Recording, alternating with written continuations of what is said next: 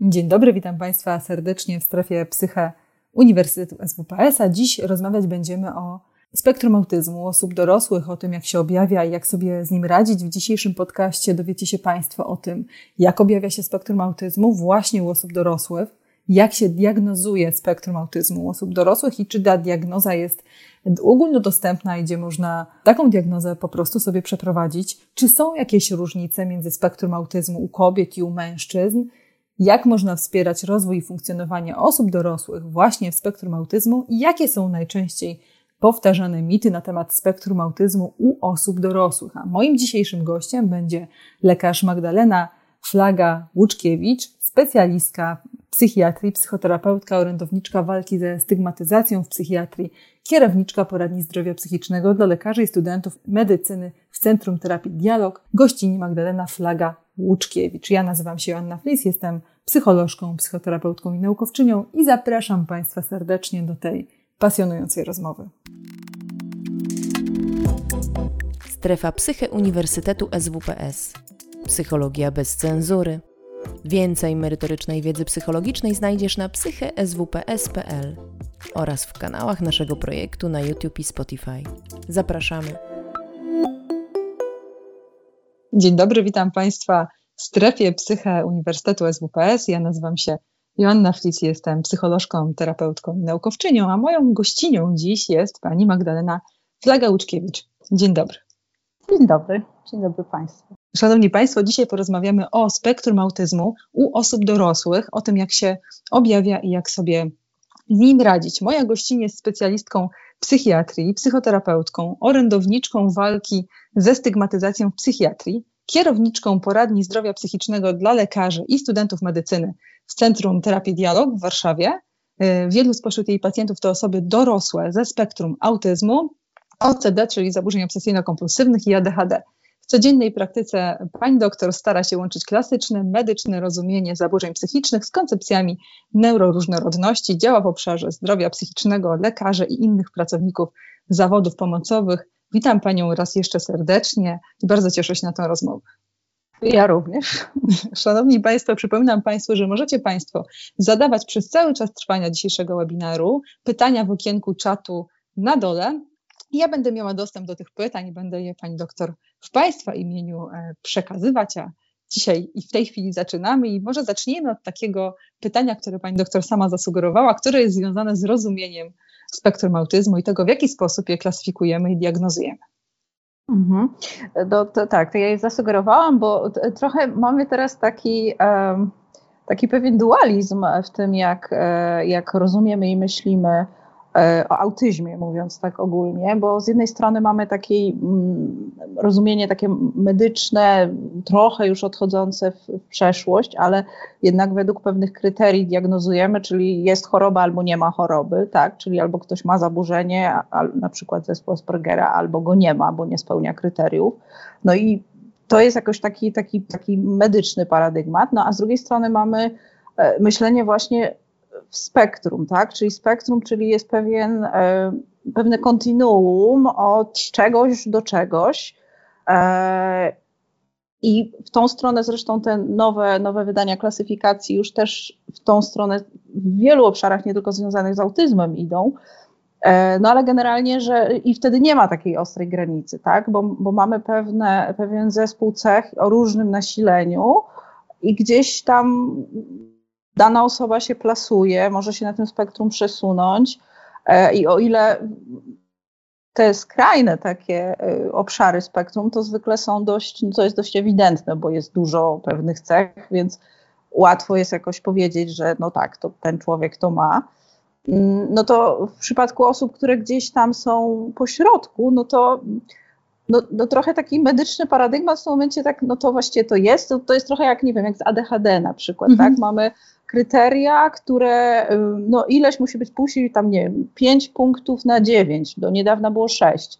Teraz 5 tam z jednego obszaru objawów, 5 z drugiego obszaru objawów. No dobrze, a jak ktoś ma 4 z tych 9, to znaczy, że nie ma, czy ma? No nadal ma, tylko że no nie spełnia kryteriów, nie? Natomiast jak myślimy o tym w jakimś na obszarze takiego spektrum, no to, y, no to jesteśmy w stanie też zaoferować coś osobom, którym normalnie by, byśmy nie postawili takiego rozpoznania, no ale właściwie do nich też się y, to odnosi, co, jak rozumiemy. Nie? I trochę też tak jest na przykład z osobowością, nie? że są pewne cechy osobowości, które przy dużym nasileniu i jakimś takim wpływie na funkcjonowanie zaburzającym, w którymś momencie już uznajemy, dobrze, to już jest zaburzenie osobowości, ale ono się różni ilościowo, a nie jakościowo od tego, czego nie nazywamy. Nie? I myślę sobie, że mhm. takie rozumienie w ogóle e, spektrum wielu zaburzeń w ten sposób, e, że to jest po prostu pewien taki tor innego rozwoju, tak? To tak jak w tych koncepcjach neuro, neuroróżnorodności się mówi, że, że to jest um,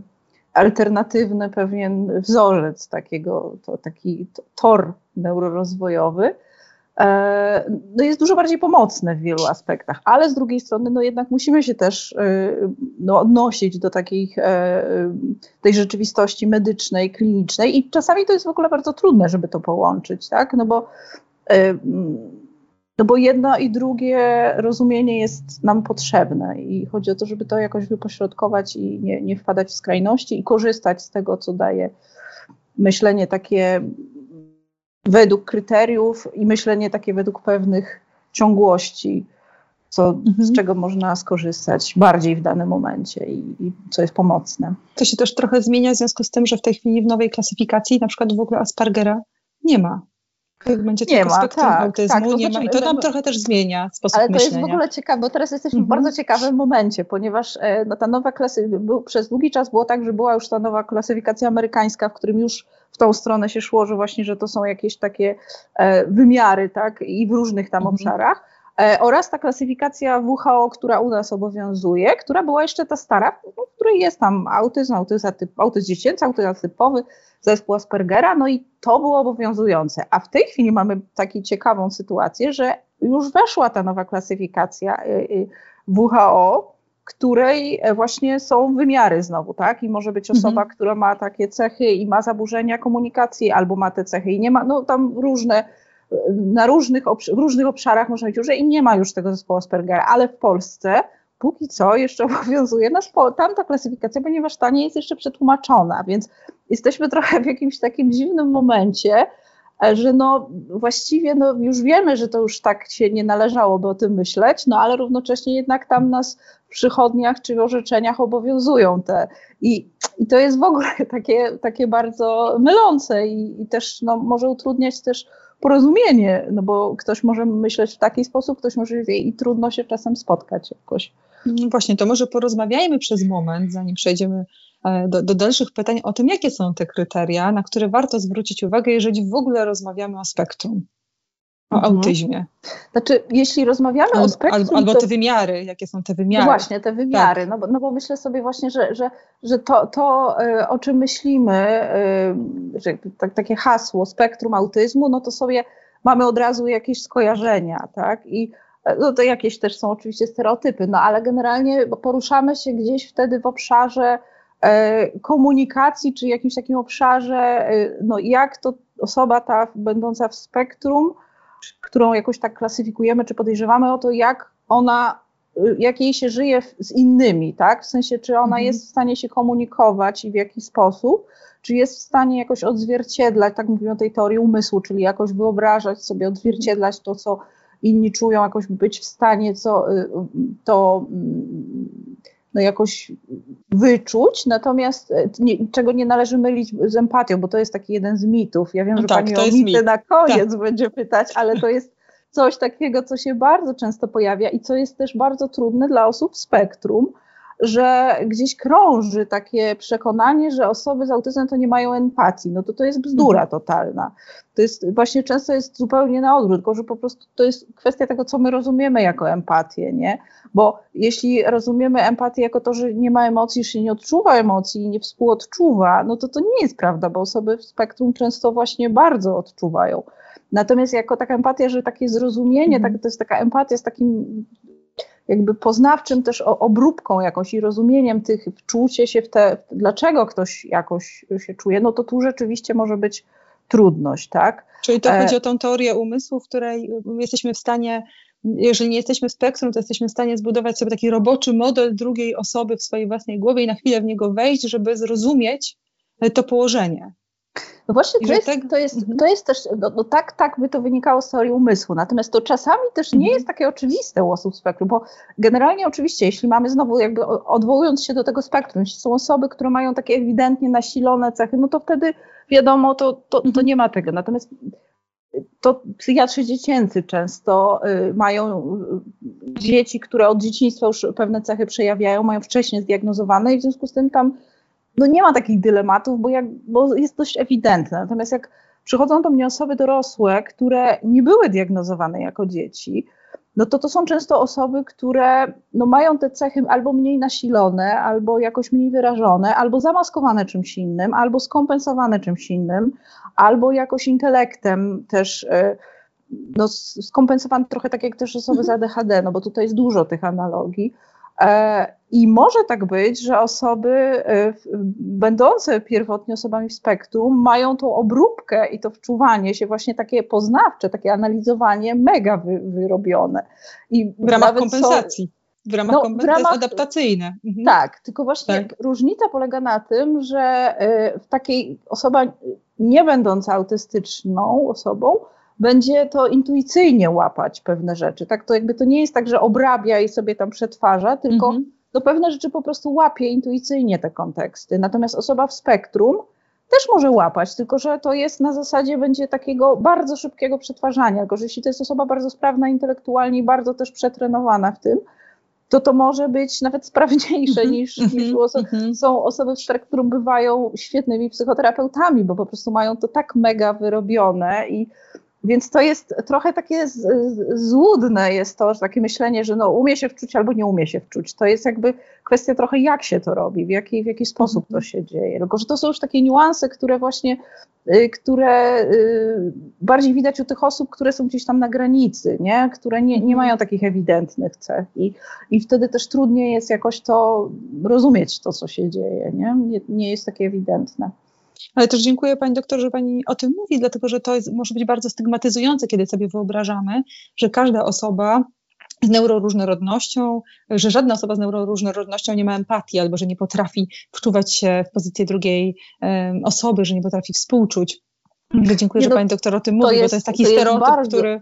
To jest mhm. stereotyp i to jest też coś takiego, co, y, o czym ja rozmawiam i jakoś co wnoszą osoby na przykład takie, które przychodzą z takim podejrzeniem, że czytałem, wydaje mi się, może ja mam spektrum, no i rozmawiamy o tym, jak, czy mają, czy nie mają i jak to jest. No zwykle osoby, które przychodzą z takim przekonaniem, że to spektrum, że im to wszystko pasuje i po to potwierdzenie przychodzą, to, no to rzadko jest tak, że rzeczywiście tam nie ma tego spektrum, no bo jednak to jest mhm. zwykle wynik takiego długiego procesu obserwowania, ale właśnie oni często sami wnoszą coś takiego, że no ale przecież jak ktoś jest autystyczny, to nie ma emocji, ale to nie ma empatii, ale przecież ja mam empatię, to na pewno ja nie jestem w tym spektrum. Ja przecież czuję, jak ktoś się obok złości, to ja nie mogę wytrzymać, albo jest mi tak, nie wiem, nie jestem w stanie oglądać filmów, bo, bo, bo mnie zalewają te emocje, że tych mhm. emocji jest za dużo. Więc to jest w ogóle zupełnie w poprzek temu, co, co jakoś się, co gdzieś tam krąży, tak, że mhm. autystyczni ludzie to są tacy, co tam siedzą zapatrzeni w ścianę i liczą, tamte mnożą, mm -hmm. tam Rain Man mm -hmm. czy coś, nie? I, I że to są takie stereotypy. A to w ogóle jest, no oczywiście są też takie osoby, ale to jest też znowu całe nomen omen spektrum. No właśnie, to, to wróćmy do tych, do tych wymiarów, do tych wymiarów, jakie to są te wymiary, na których e, warto, żebyśmy, żebyśmy się skupili e, i może sobie też porozmawiamy o tym, jak te wymiary wyglądają u osoby dorosłej od razu. Aha. Na co możemy zwrócić uwagę? Ten, mhm. to już trochę za, zaczęłyśmy rozmawiać o tym, o obszarze komunikacji i takiego, e, no właśnie, wyczuwania, rozumienia. E, ja może celowo nie będę używać takich, nie chcę trochę, nie chcę mówić w taki sposób, jak tam te klasyfikacje mhm. puk, puk, puk, puk, tylko właśnie bardziej o tym, tak żebyśmy my to jakoś żeby to poczuć, nie? Bo, bo, myślę sobie, że, że te tam kryteria to sobie każdy może przeczytać, a chodzi o to bardziej, jak to, jak to jest, więc, więc e, ten obszar taki właśnie wczuwania się, czy że to jest takie trochę obrabianie jakby intelektem komputerowym, na przykład łącznie z tym, nie wiem, no przypomina mi się na przykład 30-latek, e, który, który ewidentnie jest osobą, jakby osoba w spektrum taka, że w ogóle po paru minutach rozmowy ja, mi się już ten radar mój zapala, że w ogóle wielkich wątpliwości nie ma, bez diagnozy wcześniej. Natomiast e, on, to było niesamowite, jak on opowiadał, że jako taki 12-13-latek dowiedział się, że jakby odkrył, że w ogóle istnieje coś takiego jak mowa ciała, że istnieje coś takiego, że, no bo gdzieś tam była mowa, zaczął się, padło to słowo, zaczął dociekać o co chodzi, no i jakby intelektualnie się tego dowiedział, że istnieje mowa ciała i w ogóle się strasznie tym zafascynował. E, bardzo to zgłębiał, tam czytał te podręczniki, no i, i, i generalnie może powiedzieć, że świetnie czyta mowę ciała, mhm. no bo po prostu wszystko, całą tą wiedzę posiadł, nie? Tylko, że no, on to robi właśnie jak taki, to jakby jego mózg jak taki superkomputer przerzuca te informacje, nie? Czyli ale to jest człowiek, który, który rozumie, tą, rozumie mowę ciała, w sensie widzi coś, no to analizę robi, mhm. nie? E, i, I właśnie w ten sposób, tak? Czyli, że że te konteksty różne, że ci ludzie się uczą często gdzieś tam w okresie dojrzewania, e, też jeśli mają takie środowisko jakieś wspierające i, i, nie mają jakichś traumatycznych doświadczeń, to jest im łatwiej wtedy. E, a już kobietom to szczególnie, no bo właśnie ta propos mhm. różnic, kobiety, kobiety generalnie my jesteśmy takie bardziej wyposażone e, prospołecznie w ogóle przez naturę, więc szczególnie dziewczyny, dziewczynki, dziewczyny, kobiety się tego uczą. Czyli trudniej by było Jak u kobiety rozpoznać ten tak, autyzm. Kobiety jest trudniej. Tak, kobiety jest mhm. trudniej, ponieważ y, no generalnie to y, no, ten, ten zasób, taki nasz potencjał jest dużo większy i na przykład y, też jak to się może, to tak stereotypowo wygląda tak, że ci mężczyźni autystyczni to będą się bardziej ci techniczno-komputerowo jacyś, a kobiety to mogą być właśnie zafascynowane tymi interakcjami. Oczywiście znowu to jest stereotyp, i mhm. E, są przeróżne osoby, ale rzeczywiście e, no, no jest sporo kobiet w spektrum autyzmu, które właśnie no, tak do tego stopnia się w, w to wchodzą, że, że stają się w ogóle super, na przykład mogą być super diagnostami, na przykład w psychologii też, bo wyłapują takie niuanse, które osoba yy, nie będąca w spektrum, no jakby nie analizuje tego aż tak, nie? No bo nie działa jak taki komputer mhm. analizujący mhm. wszystkie. Poza tym też osoby w spektrum no, mają trochę inną często e, percepcję w ogóle rzeczywistości i na przykład mogą dostrzegać mnóstwo takich szczegółów, nie filtrować ich, e, szczegółów e, i takich szczegółów zarówno właśnie w, w, otoczeniu typu, nie wiem, wchodzą tam, widzą, że jest gniazdko zepsute, tutaj mhm. rysa na ścianie, co kto ma ubrane, jakieś takie rejestrują, zdarza się, że tak jest i tak samo w, w zachowaniu takie niuanse różne, nie, że na przykład mhm. nie będą pamiętać twarzy, no bo mogą, bo to, to na przykład osoby, to jest też bardzo ciekawe, to jest jedno z moich pytań takich diagnostycznych, jak pytam, osoby, jak rozmawiamy o podejrzeniu spektrum, to pytam, dobrze, a jeśli w ogóle czyta powieści, no bo generalnie część osób spektrum po prostu nie lubi powieści, bo to jest bez sensu, to jest mhm. nudne czytanie powieści, ale jeśli czyta te powieści, to czy wyobraża, jak, jak sobie tam wizualizuje to, co się dzieje, to czy te osoby, które tam są, bohaterowie, mają twarze?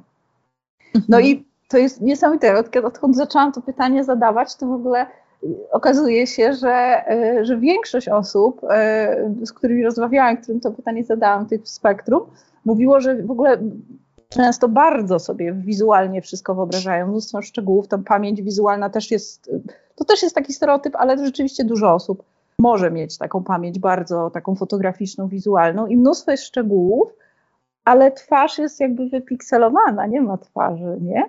I że mhm. to mogą być osoby, które pamiętają, co kto miał ubrane, ale jakby same twarze pokazać, to niekoniecznie, niekoniecznie to jakby to nie twarz, to jakby liczą się te szczegóły, z których się to składa.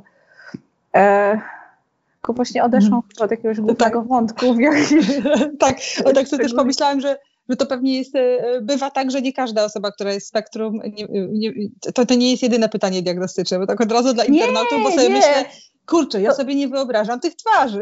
tak, nie, nie, myślę, nie, nie. Państwo to nas jest, oglądacie, to, jest, to, to jest pytanie pomocnicze. To, nie to jest, jest pytanie, po, tak, to tak. jest pytanie pomocnicze, bo ktoś, kto nie ma spektrum, ale ma prosopagnozję, też nie będzie twarzy widział. No generalnie, ale to jest właśnie ciekawe, że mm, y, jak ja zadaję to pytanie osobom spektrum, to oni tak wow, rzeczywiście, wow, że rzeczywiście, że, że rzeczywiście tego nie ma. Zaczynają to jakoś się nad tym zastanawiać. Nie, nie, to w ogóle jest takie pytanie y, pomocnicze, mhm. natomiast no, chodzi bardziej o ten sposób tak by rejestrowania też otoczenia, że, że często osoby z spektrum rejestrują właśnie te szczegóły, a nie rejestrują jakiejś pewnej całości, nie? Może tak być. I to, mhm. Mhm. to może być wielkim plusem, jeśli wykorzystują to na przykład gdzieś tam w pracy. Na przykład y, mogą być świetnymi jakimiś audytorami, kontrolerami, w ogóle analitykami takimi, co tam właśnie mhm. te szczegóły. Natomiast to może też utrudniać, no bo y, jakiś trudno jest ten wyłonić tą całość, ale no, mam wrażenie, że wchodzę jakoś bardzo w szczegóły, natomiast -hmm. jeszcze e, jakby w innych obszarach popatrzeć, to, to, co jest jakoś bardzo ważne i częste i co jest też często e, źródłem dużego dyskomfortu i, i, i cierpienia, to jest, e, to jest kwestia m, mm, tych nadwrażliwości, niedowrażliwości. Na przykład nadwrażliwość e, na, na bodźce, tak? To, to co mhm. to, co bywa problemem, tak, że na hałasy, czy na dotyk, czy na y, zapachy, czy na faktury określo, określone, w tych pewnym wykluczaniu jedzenia, to jest to, to, co jest charakterystyczne u dzieci e, e, ze spektrum, że one często bardzo wybiórczość mają dużą pokarmową.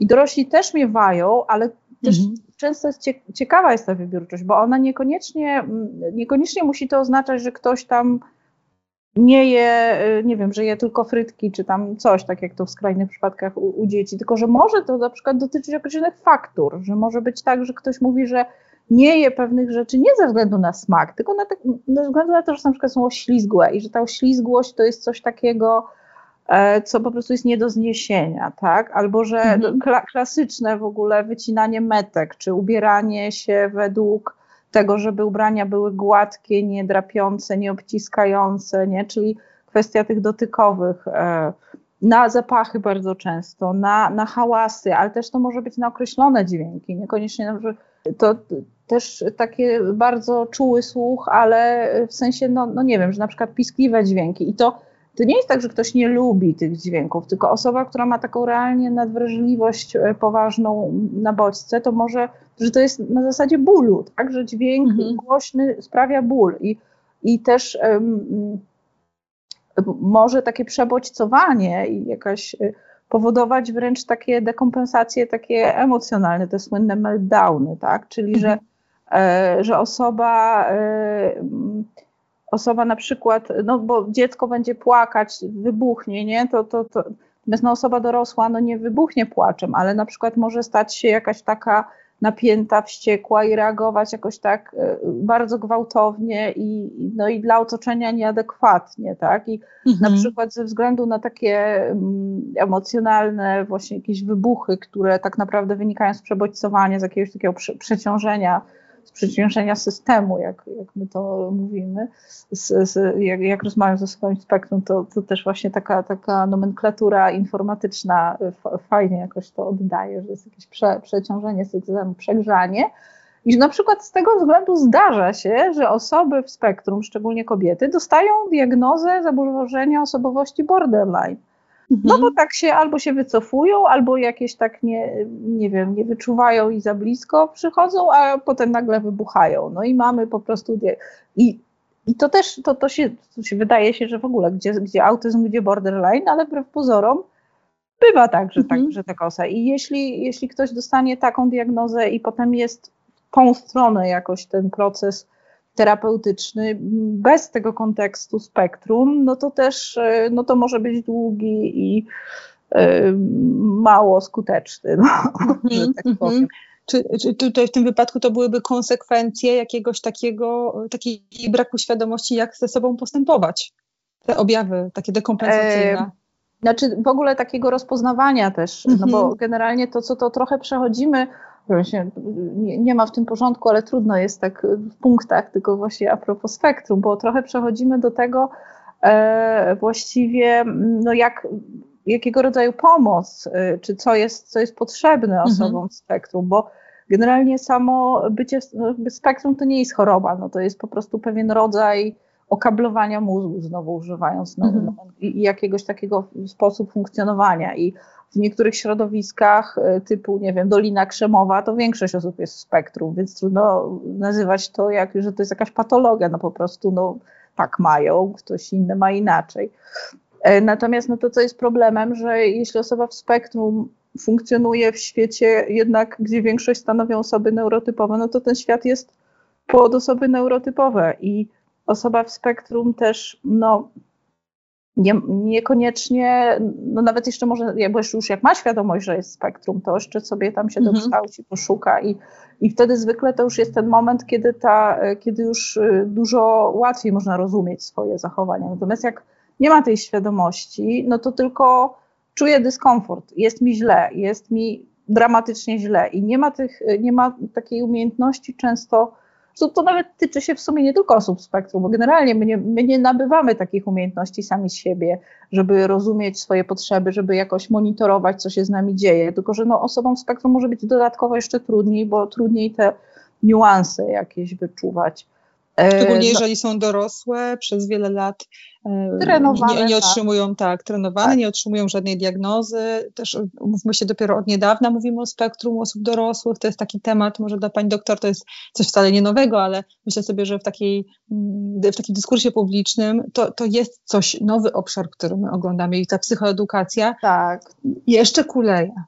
Znaczy też myślę sobie, że to u, osób dorosłych, jak osób dorosłych, no generalnie zespół Aspergera, o ile dobrze pamiętam, w 1992 roku się chyba pojawił jako rozpoznanie w tych klasyfikacjach obowiązujących, więc w ogóle y, ludzie, którzy teraz mają lat 40, no oni nie mieli szans w ogóle mieć takiego rozpoznania, no bo po prostu nie było takiego rozpoznania i jak się na przykład y, rozmawia potem, to co tam, jak się zachowywał jako dziecko, co się działo, jak reagował, jak sobie radził z różnymi rzeczami, to często to są takie absolutnie ewidentne objawy, które teraz na pewno by taka osoba miała to diagnozę wcześniej i dzięki temu na przykład no nie musiałaby sama się zastanawiać, co z nią jest nie tak, że reaguje inaczej, że reaguje gwałtowniej, że nie jest w stanie wytrzymać w jakichś sytuacjach, które, które dla innych osób nie są problemem. E, no bo w gruncie rzeczy samo spektrum nie, to nie jest choroba, ale osoby w spektrum, które nie wiedzą, że są w spektrum i nie wiedzą dlaczego i, i nie, mają, no nie mają szczęścia mieć otoczenia takiego, które, e, które jest wspierające, bo otoczenie nie musi. To jest też tak, że w, e, może się zdarzyć, że ktoś nie ma diagnozy, ale intuicyjnie miał wspierający dom, ma wspierające otoczenie, które nawet nie nazywając tego spektrum, no jest w stanie jakoś. Mhm wychodzić naprzeciw potrzeb i też no, dawać zasoby, tak? I, i, i że takie osoby też e, no, no, będzie im łatwiej sobie radzić, no bo, no bo dostają tak wie, więcej tego mhm. wsparcia i, i też mają jakiś obraz siebie lepszy. Natomiast zwykle jednak osoby w spektrum mają takie poczucie gdzieś, e, takie dorosłe, które nie miały diagnozy wcześniej, mają takie zinternalizowane poczucie, e, jestem jakimś dziwadłem, jestem inny, nie pasuję, albo muszę się upodabniać do innych, ukrywać kim jestem, bo coś jest ze mną nie tak, tak? Albo mhm. reaguję, albo nie rozumiem innych ludzi, tak? Nie śmieszą mnie te żarty, które ich śmieszą. No ja się śmieję, bo wiem, że należy się śmiać w takiej sytuacji, bo już się nauczyłem, ale to mhm. w ogóle nie jest dla mnie śmieszne. A to, co jest dla mnie śmieszne, to in, dla innych nie jest śmieszne. Więc coś jest ze mną nie tak. I w sytuacji, kiedy, y, y, kiedy no pada jednak ten pomysł, że a może to jednak y, w tą stronę, tak, to zwłaszcza u osób takich, które przychodzą do mnie, no bo nie idzie się do psychiatry z powodu spektrum autyzmu, jak się ma lat 40, idzie się, bo się mhm. ma lęk, bo się ma depresję, bo nie można, no jakby Jasne. I przychodzi ktoś na przykład właśnie z powodu depresji, czy z powodu, nie wiem, napadów lękowych, czy czego, czy nie wiem, natręt na przykład, które też są dość częste u osób spektrum, a co ciekawe, nie zawsze są natręctwami też, bo mogą być też stereotypiami i nie, nie, -hmm. nie są takimi natręctwami w sensie nerwicy.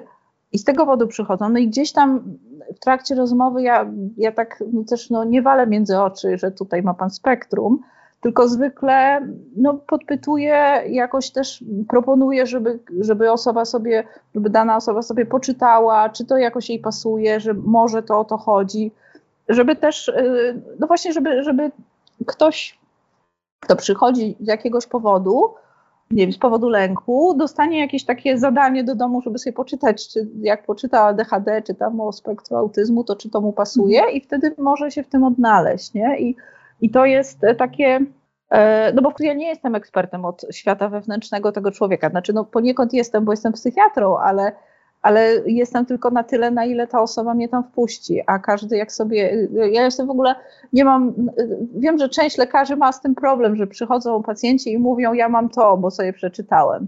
Ja sobie myślę, że jak ktoś przeczytał, no to to jest jakiś punkt wyjścia, bo coś tam znalazł y, o nim. Mhm. I Niekoniecznie ta diagnoza musi być dokładnie taka, jak przeczytał, no ale no jednak to jest jakoś o nim, nie? Mhm, ale też e, pan doktor jest psychoterapeutą, więc tutaj widać no, e, tak, spotkanie się tych dwóch światów w jednej no tak, osobie. No myślę, myślę tak. że, że, to, że to, to, tak, że to jest trochę o tym. Tutaj też e, od internautów, pada, od internautów padają takie pytania dotyczące e, depresji e, u osób, które mają spektrum, które są autystyczne i jak wspierać takie osoby i czy rzeczywiście to jest takie częste połączenie, bo kiedy myślę sobie o tej historii życia, o tym poczuciu wykluczenia społecznego, na przykład niespierającym środowisku, jakiejś takiej stygmatyzacji z różnych powodów, to myślę sobie, że ta depresja czy jakieś inne zaburzenia afektywne pewnie idą w parze w życiu osób, tak, które są dorosłe i niezdiagnozowane.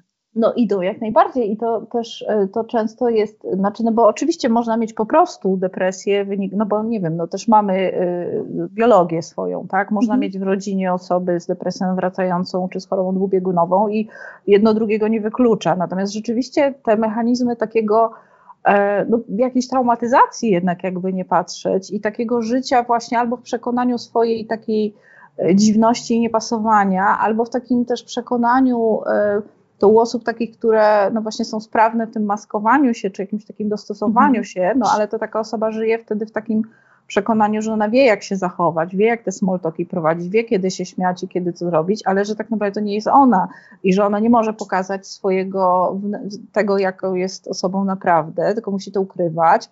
To więc to, no to też jest właściwie takie osamotnienie jakieś, chociaż z pozoru mhm. taka osoba może być bardzo społeczna, tak, nie? No to towarzyska i odnajdująca się, więc.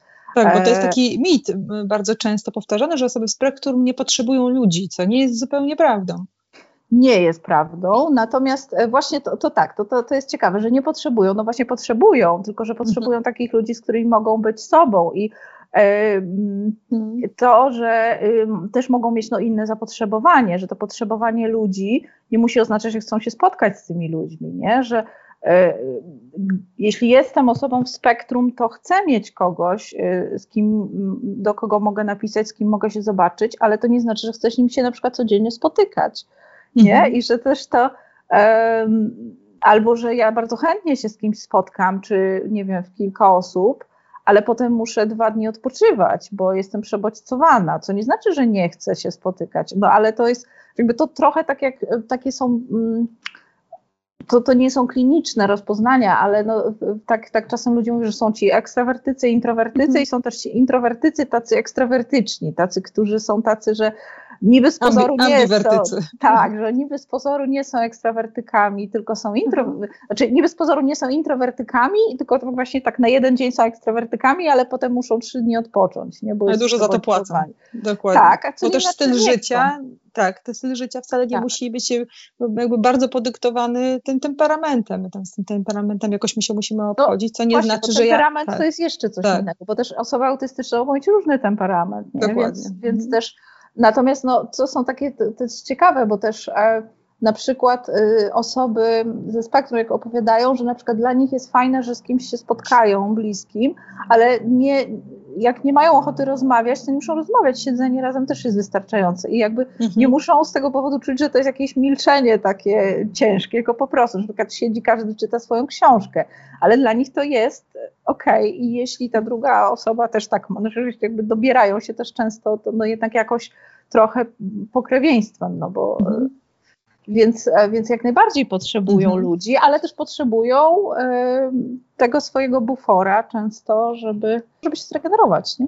Dużo internetów pyta też o to, gdzie w Warszawie można się zdiagnozować, więc pozwolę sobie panią doktor o to zapytać, hmm, ponieważ kilkukrotnie no w ogóle padło jest, już to pytanie. Tak, to znaczy gdzie ogóle, osoby dorosłe mogą się zdiagnozować? W ogóle to, to jest kwestia, jak się w ogóle diagnozuje, mhm. no, bo, no bo generalnie... Mm, w przypadku dzieci, no to mamy, jest tam wyrobiony pewien wzorzec, jak to tam należałoby robić, że jest obserwacja, tam rozmowa, mhm. psycholog, psychiatra, całe, całe jakiś taki pewien, mm, nie chcę powiedzieć rytuał, no pewien, jak to ładnie powiedzieć, Jakaś procedura pewnie Taka procedura, tak. no właśnie. No i w przypadku dorosłych też oczywiście można taką procedurę zastosować, natomiast generalnie rozpoznanie jest stawiane przez po prostu e, kogoś, doświadczonego klinicystę, jak to ładnie się, mm -hmm. jakby kogoś, kto się, kto się zna i już wiele osób diagnozował. No jakby generalnie te takie są wskazania. I oczywiście można stosować, są różne takie skale, którymi takie przesiewowe, że można sam, samemu sobie je zrobić, są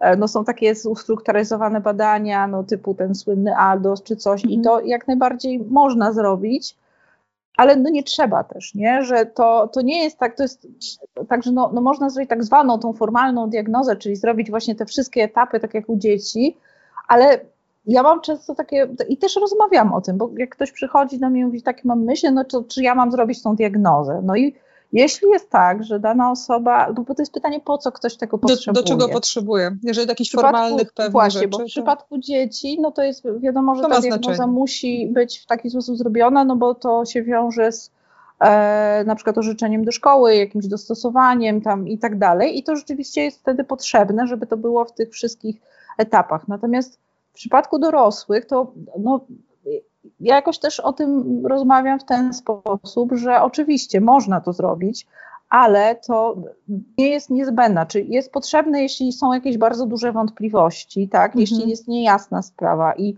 i, i jakoś potrzeba to zobiektywizować, jakby żeby ktoś inny na to spojrzał. W przypadku, kiedy ktoś też no, jakoś potrzebuje to czarno na białym mieć, i niektórzy tak mają, że mimo, że mhm. dość jest to ewidentne, to jednak potrzebują to zrobić, tak? No tak, to własne przekonanie też jest osoby, punktem też wyjścia. żeby pokazać na tak. przykład rodzinie, że tutaj mhm. mam czarno na białym, ale też e, dla części osób, e, no ja mówię, no, no ale to ja panu powiem, czy pani co tam wyjdzie. No wyjdzie, że pan ma spektrum. No to oczywiście mhm. może pan pójść to zrobić.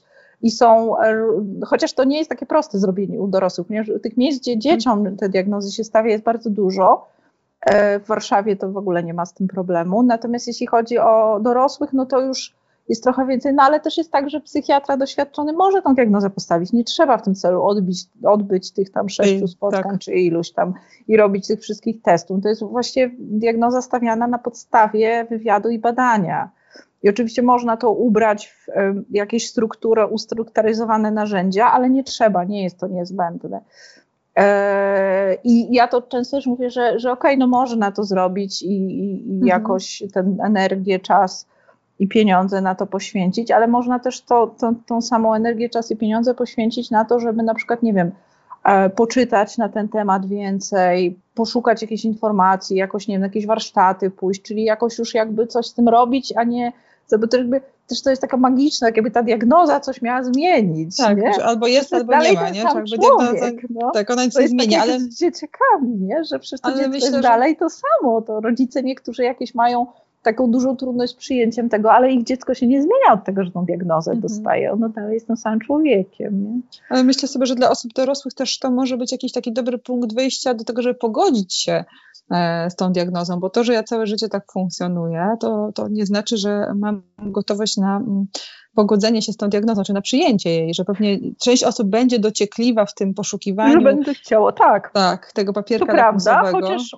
no, mhm. moje doświadczenie jest takie, że właściwie ta, samo to rozmawianie, że niekoniecznie musi to przebiegać tak w postaci zaangażowania iluś tam mhm. różnych specjalistów i że właściwie jak, jak rozmawiamy, no i jakoś ja mówię o tym, jakie są moje spostrzeżenia, jaką ja diagnozę stawiam jako jako psychiatra i, i rozmawiamy też o tym. I, no i właśnie zwykle między tymi wizytami, no to też właśnie mm. ja mówię, proszę tu poczytać, tam poczytać, tu zajrzeć. To są takie jakieś, e, zwłaszcza, że na ten temat też jest mnóstwo bardzo dobrych materiałów w internecie e, i takich fachowych, e, też pisanych przez jest ten ruch taki mm, samorzeczników i po polsku, i po angielsku, i są osoby, które często są ekspertami w zakresie zdrowia psychicznego, nie wiem, psychologami, e, pedagogami specjalnymi, a same też są w spektrum i no i mhm. mega wartościowe materiały na ten temat, takie właśnie z podwójnej perspektywy i specjalisty i osoby w spektrum. I, to gdzie to e, można znaleźć? W jakim no, miejscu? No, może? no na przykład jest, ja bardzo polecam zawsze Joannę Ławicką, mhm i Fundację mhm. Prodestę, e, nie wiem, Dziewczyny w Spektrum, e, ta fundacja Ewy, Ewy Furgał, no bo to są osoby, które no są profesjonalne i równocześnie są też z autopsji to znają. I w ogóle na świecie też, też to jest popularne dość tak właśnie, że są osoby, które są ekspertami, równocześnie ekspertami, ekspertami, ekspertami przez doświadczenie. To zresztą nie tylko w zakresie spektrum, mhm. ale E, ale jakoś mam wrażenie, że tego typu publikacje, czy właśnie te materiały pisane są szczególnie, jakoś przemawiają do, e, do osób. I jeszcze wracając do tego, że co ta diagnoza zmienia, no to właśnie niezależnie czy ona jest prowadzona jako taki proces pełen tam tych poszczególnych e, etapów zgodnie z jakąś procedurą ustaloną, czy jest po prostu na zasadzie diagnozy w przebiegu wizytu psychiatry, to samo to właśnie, że ktoś, okej, okay, czyli to, co ja mam, to ma nazwę, tak? I to, to w ogóle mhm. to właśnie często jest takie, że to jest ulga, że, że okej, okay, to ja nie jestem, e, zacytuję, nie jestem mhm. popieprzona, tylko po prostu mam spektrum autyzmu, jestem w spektrum autyzmu. Okej, okay, no to ja sobie teraz poczytam, zastanowię się,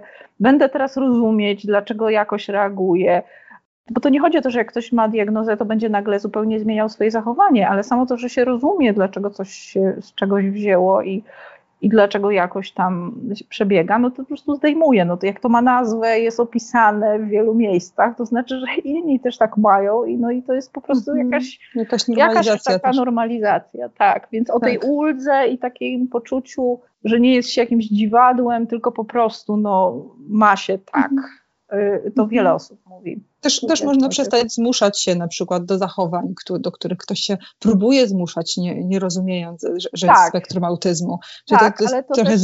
ściąga to, to, to poczucie jest... dopasowania się, potrzeby tak, dopasowania. chociaż czasem to jest też odwrotnie, że na przykład ktoś przychodzi do mnie pod hasłem, bo ja mam fobię społeczną. No i rzeczywiście ten lęk społeczny może być nasilony, no ale okazuje się, że, że generalnie, że okej, okay, no lęk lękiem, no na lęk są sposoby i psychologiczne, i farmakologiczne, można to zredukować, ale że pewne rzeczy, no jakby nie, nie ma takiego sposobu, żeby stać się kimś zupełnie innym, nie? Że to jest też mhm. trochę o takim akceptowaniu i znowu to jest w gruncie rzeczy uniwersalne, nie, nie dotyczy tylko tego, czy ktoś ma spektrum, czy nie ma spektrum, tylko dotyczy na przykład naszego temperamentu, no jak ktoś jest z natury furiatem, no to Oczywiście może się nauczyć wyciszać, relaksować i może zmienić swoje zachowanie, nie bić ludzi i wychodzić, jak jest wściekły, żeby ochłonąć, ale nie stanie się pływającym kwiatem lotosu, zrelaksowanym, którego nic nie mhm. rusza. Więc to jest też trochę kwestia zrozumienia, jakie są granice tego, co możemy zmienić w sobie, co możemy zmienić w swoim otoczeniu i też no, na ile możemy na przykład sobie i otoczeniu też powiedzieć, że pewne rzeczy są no, no tak po prostu jest. Nie do zmiany, bo są jakieś biologiczne zmiany. podstawy naszego zachowania. Noszę tak. okulary, tak. no to noszę okulary. No. Mhm. To może porozmawiamy jeszcze o tym, jak wspierać osoby dorosłe e, autystyczne.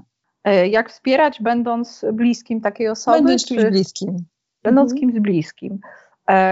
Znaczy, po, po, pierwsze jest tak, że często e, te osoby mm, autystyczne, jak popatrzą po swojej rodzinie, to tam zwykle w rodzinie też są osoby z jakimiś cechami, nie? No, mhm. Więc to od razu Pani odpowiada na pytania e, naszych internautów, czy są jakieś geny i czy jest jakaś cząstka Ale wspólna. To jest, to tak, tak, no to jest klasyk mhm. przecież, że mhm. przychodzi ktoś i mówi, bo właśnie mojego dziecka zdiagnozowano, ale przecież ja też tak mam. No to co, to ja też to mam? No tak. No, no tak. I to, to, to, jest, to jest właśnie część tych dorosłych, to są dorośli, u których dzieci zdiagnozowano, no i oni jak tak popatrzyli, o co ta pani psycholog pyta, no w ogóle co się dziecka czepiają, no przecież normalne, nie? Ale paradoksalnie właśnie osoby, które same są e, gdzieś tam w spektrum i mają autystyczne dzieci, często intuicyjnie mogą, jeśli same tą świadomość nabędą, są w stanie bardzo dobrze wspierać. Y, mhm. Nie? To jest trochę jak dzieci, znowu ja tą analogię do ADHD używam, bo no, ADHD jest takie bardzo łatwo sobie to wyobrazić, tak? że są, są dzieci z ADHD, mhm. no to jeśli rodzic też tak ma, że się rozprasza i że jest ten, no to jak sobie nauczył trochę sobie z tym radzić, to też będzie w stanie temu dziecku to przekazać, nie to będzie prawda. się wściekać na to dziecko, no bo, no bo rozumie, że tak może być, że nie da się wysiedzieć. I tutaj też, też tak może być, czyli że, że pewien, pewne podobieństwo i takie rozumienie wynikającego z, z tego, że się też tak ma, może być pomocne. Natomiast e, co się tyczy, no nie wiem, na przykład w relacjach, tak, w mhm. związkach mhm. czy gdzieś, no to czy na przykład e, to w pracy też, w sensie w jakichś zespołach takich pracy jest, no to tam się pojawia ten problem z, z, z komunikacją, tak, że, że osoba w spektrum może mieć no inny trochę jakby pochodziła, jakby była z innej kultury, to, to, to jest też mhm. fajna analogia, że to jest trochę tak jakby się było z innej kultury, że jak jest osoba z innego kręgu kulturowego, która no owszem zna język, no ale pewne rzeczy jakoś inaczej rozumie, inaczej może przeżywać, bo jest z innego kręgu kulturowego, nie? I to może budzić pewne problemy, tylko że jeśli wiemy, że ktoś jest z innego kręgu kulturowego, z innego kraju, coś tam, no to mamy tą nakładkę, no ale zaraz, ona tak powiedziała, czy tak się zachowała, no ale może to jednak nie dlatego, mhm. że jest złośliwa i niemiła, tylko dlatego, że u nich to się inaczej na to myśli. Natomiast w przypadku osoby z spektrum to oczywiście tego nie widać, tak? Czyli, że odruchowo się, się oczekuje, że osoba, druga osoba będzie wiedziała, domyśli się, będzie miała te same te kalki takie kulturowe i jakieś wzorce i będzie myślała w taki sposób jak my i mhm. odczuwała, a to niekoniecznie tak jest, nie? I że na przykład to, co w niektórych zespołach, firmach jest stosowane i to, to też właśnie może być pomocne, chociaż też jest uniwersalne, że tak jak się stosuje, nie wiem, na przykład e, mapowanie tych talentów Galupa i że te ludzie wiedzą nawzajem o sobie, jakie kto tam ma te najbardziej rozwinięte talenty i w związku z tym wie, że ten to tak ma, że, e, no, że będzie bardziej mówił tak, a ten to nie będzie mówił, tylko będzie przeżywał i że jak wiedzą nawzajem o sobie te, w, ramach zespołu, to, to są w stanie no właśnie nie traktować, nie oczekiwać od innych, że będą myśleć, zachowywać się tak jak my, no bo to są inni mhm. ludzie, nie? I w przypadku jak jesteśmy na przykład w relacji ze sobą ze spektrum, no to będziemy wiedzieć, że e, no, że na przykład, że się nie domyśli, ale znowu to jest też uniwersalne, no bo to jest to takie klasyczne, mm. że ja sobie pomyślałam, że ty się domyślisz i się obrażam na ciebie, że się nie domyśliłeś. No tak. No i a mhm. natomiast w przypadku osób spektrum to po prostu to, to nawet prościej, no bo wiadomo, że osoba spektrum, że ona się nie domyśli, trzeba powiedzieć. I też jeśli jest, e, jeśli jest świadomość tego, że tak jest, no to też ta komunikacja może być taka dużo bardziej bezpośrednia, co w gruncie rzeczy dobrze robi związkowi, nie? Mhm, e, i, i, I to nie wiem, ja mam w ogóle takie poczucie, że my rozmawiamy o spektrum, ale że myślę, że są jakieś takie prawidła tyczące... O życiu rozmawiamy. No takie właśnie w ogóle natury ludzkiej, tak. I że to jest właśnie znowu kwestia pewnego, y, no że ktoś może mieć więcej pewnych cech, mniej, ale że właściwie to, to są uniwersalne rzeczy i to, żeby się komunikować w jasny sposób, mówić o swoich oczekiwaniach i nie y, brać y, tak a priori, nie traktować czyjegoś zachowania według swoich wzorców, tylko starać się je rozumieć, no to właściwie to jest uniwersalne. Natomiast w przypadku osób ze spektrum po prostu trzeba założyć, że pewnie trochę inny sposób na przykład może coś przeżywać, nie? Albo, mm. albo że to, że nie zachowuje się w taki sposób, jakbyśmy oczekiwali, to nie znaczy, że nie czuje czegoś, nie? Tylko może po prostu w inny sposób. Albo ma złe nie? intencje. Albo, że, no, że ma złe intencje. No Czyli... tak, tak. Albo, mhm. że y, na przykład, bo to, to jest też częste, że ponieważ osoby w spektrum, no trudno im wyczuć ten kontekst, więc może się zdarzyć, że są takie nadwrażliwe, że biorą do siebie wszystko, nie? Że serio traktują żarty i jakoś się obrażają, że jakoś czują się dotknięte neutralnymi rzeczami, nie? Taka ksowność się może mhm może pojawić. E, no i, no i właśnie, no to, no, no to, jakby to, to można zrozumieć, tak? Że, że też można uwzględnić w swojej komunikacji to, żeby no, nie mówić takich rzeczy, które można różnie rozumieć, nie? Mhm.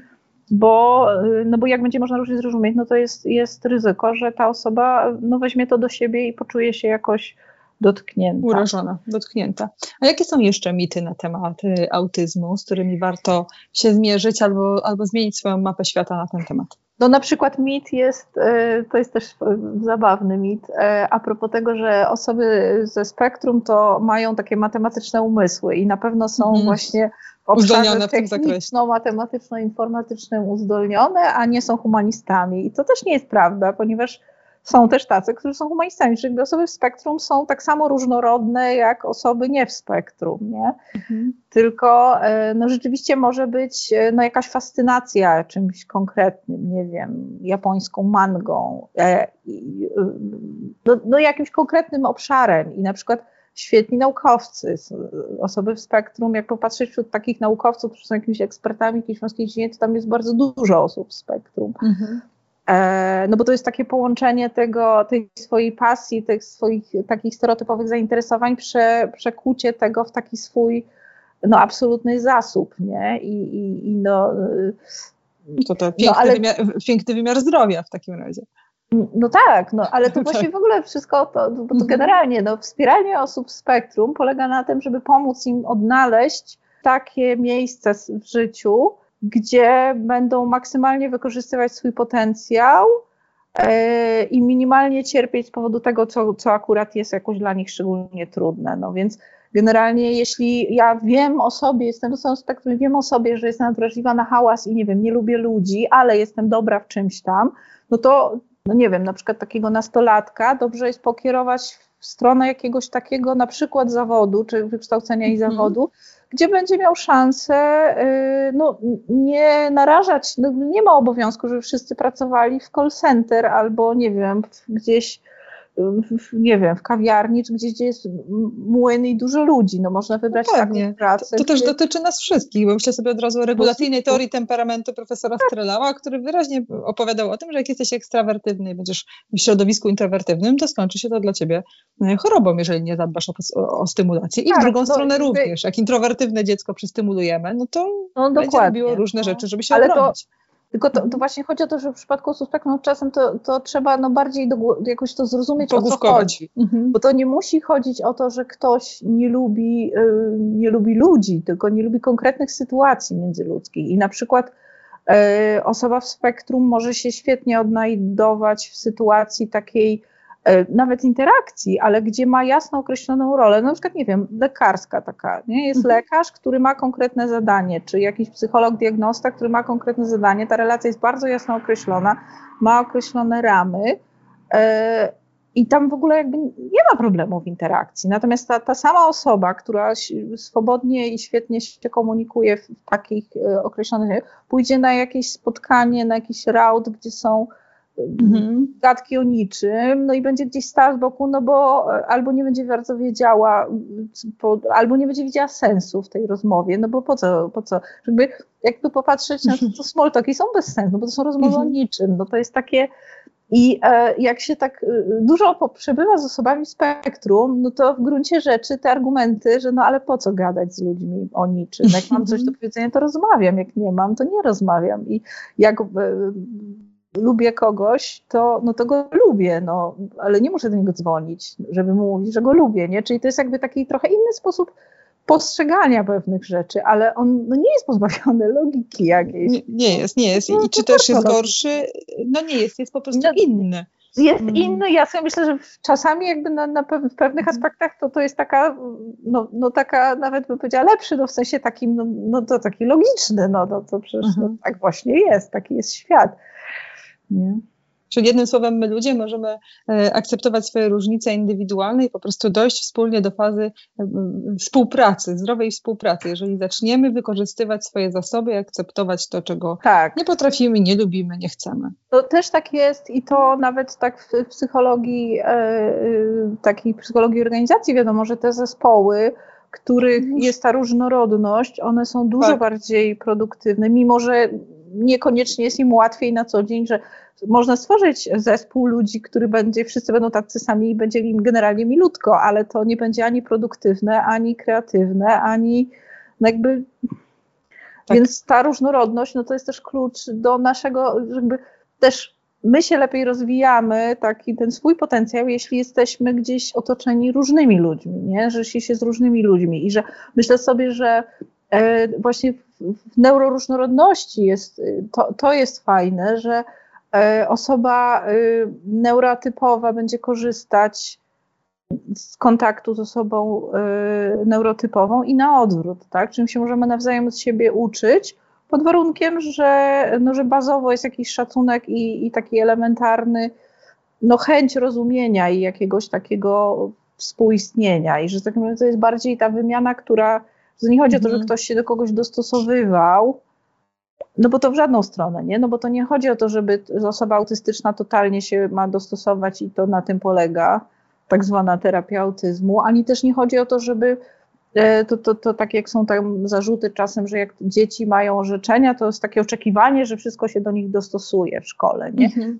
-hmm. nie też nie o to chodzi, tylko chodzi o jakieś takie spotkanie się gdzieś po drodze i takie nie rzucanie sobie kłód pod nogi i bardziej właśnie ciekawość siebie i, to takie szukanie okazji, co, co możemy sobie nawzajem dać. No, to, to A chyba tak też punktem wyjścia do takiej postawy, o której pani doktor mówi, musi być też takie założenie, że zdrowie ma różne, e, różne oblicza i że nie ma jednej definicji zdrowia, że to nie jest tak, że my wszyscy równamy do jednego. No, definicja jest, ale ona jest tak pojemna, że tak, no, bo to jest tak. pełen dobrostan tam fizyczny, psychiczny i społeczny. No to to jest tak. definicja zdrowia. Ale też sobie myślę, że to jest, to jest z kolei tak jak na przykład jak ja rozmawiam, mam też sporo pacjentów z natręctwami i w przypadku natręctw to też jest bardzo ciekawe, no bo część osób z natręctwami możemy leczyć natręctwa, ale u części osób nie da się tych natręstw do mhm. zera.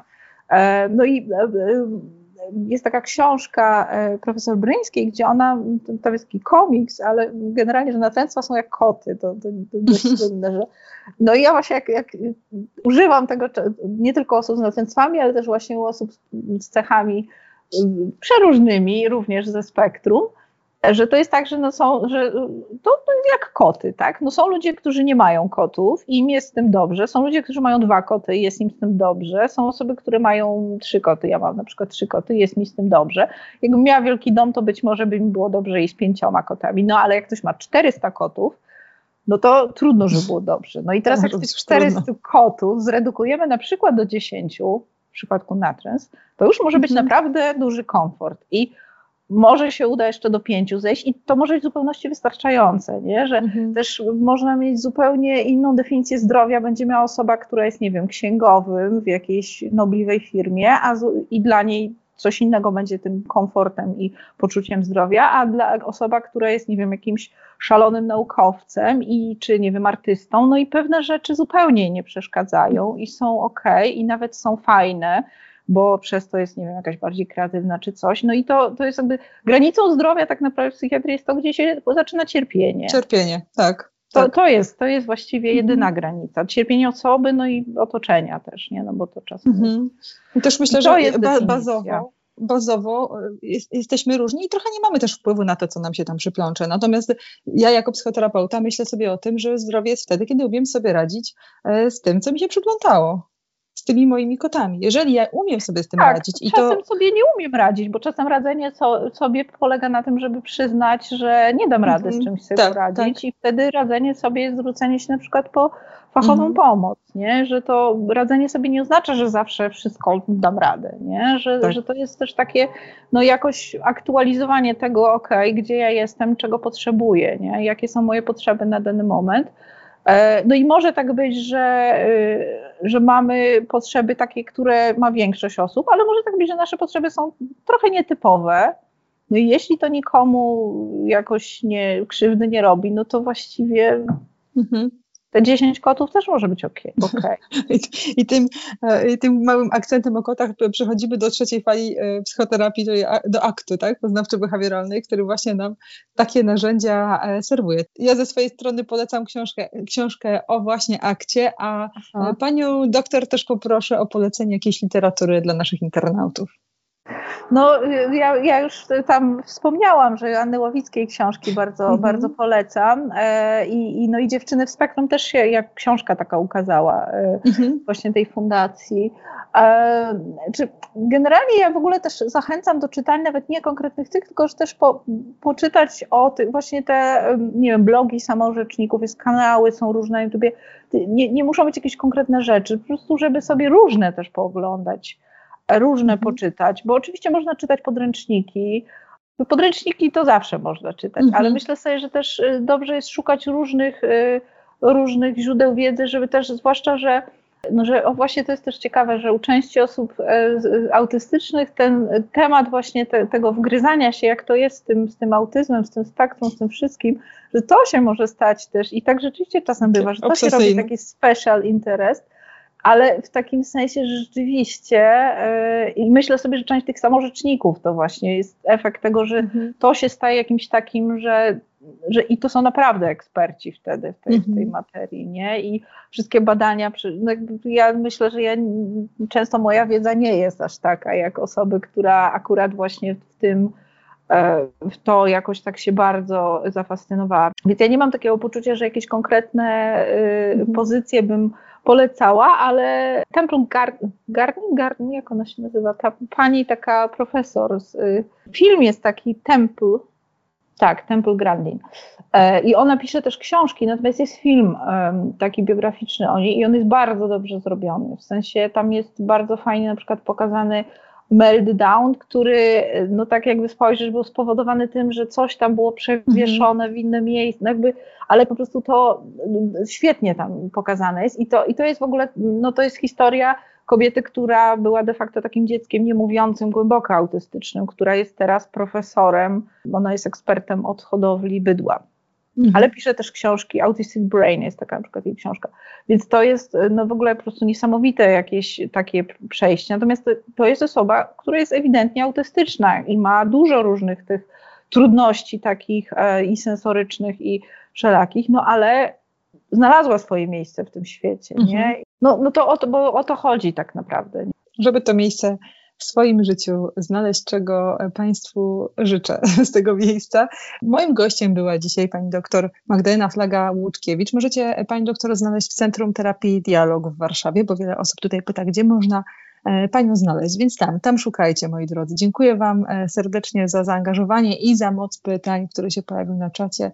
No i Pani dziękuję serdecznie, Pani doktor, za to, że Pani tchnęła trochę optymizmu w temat, który wielu przeraża. Dziękuję i wszystkiego dobrego.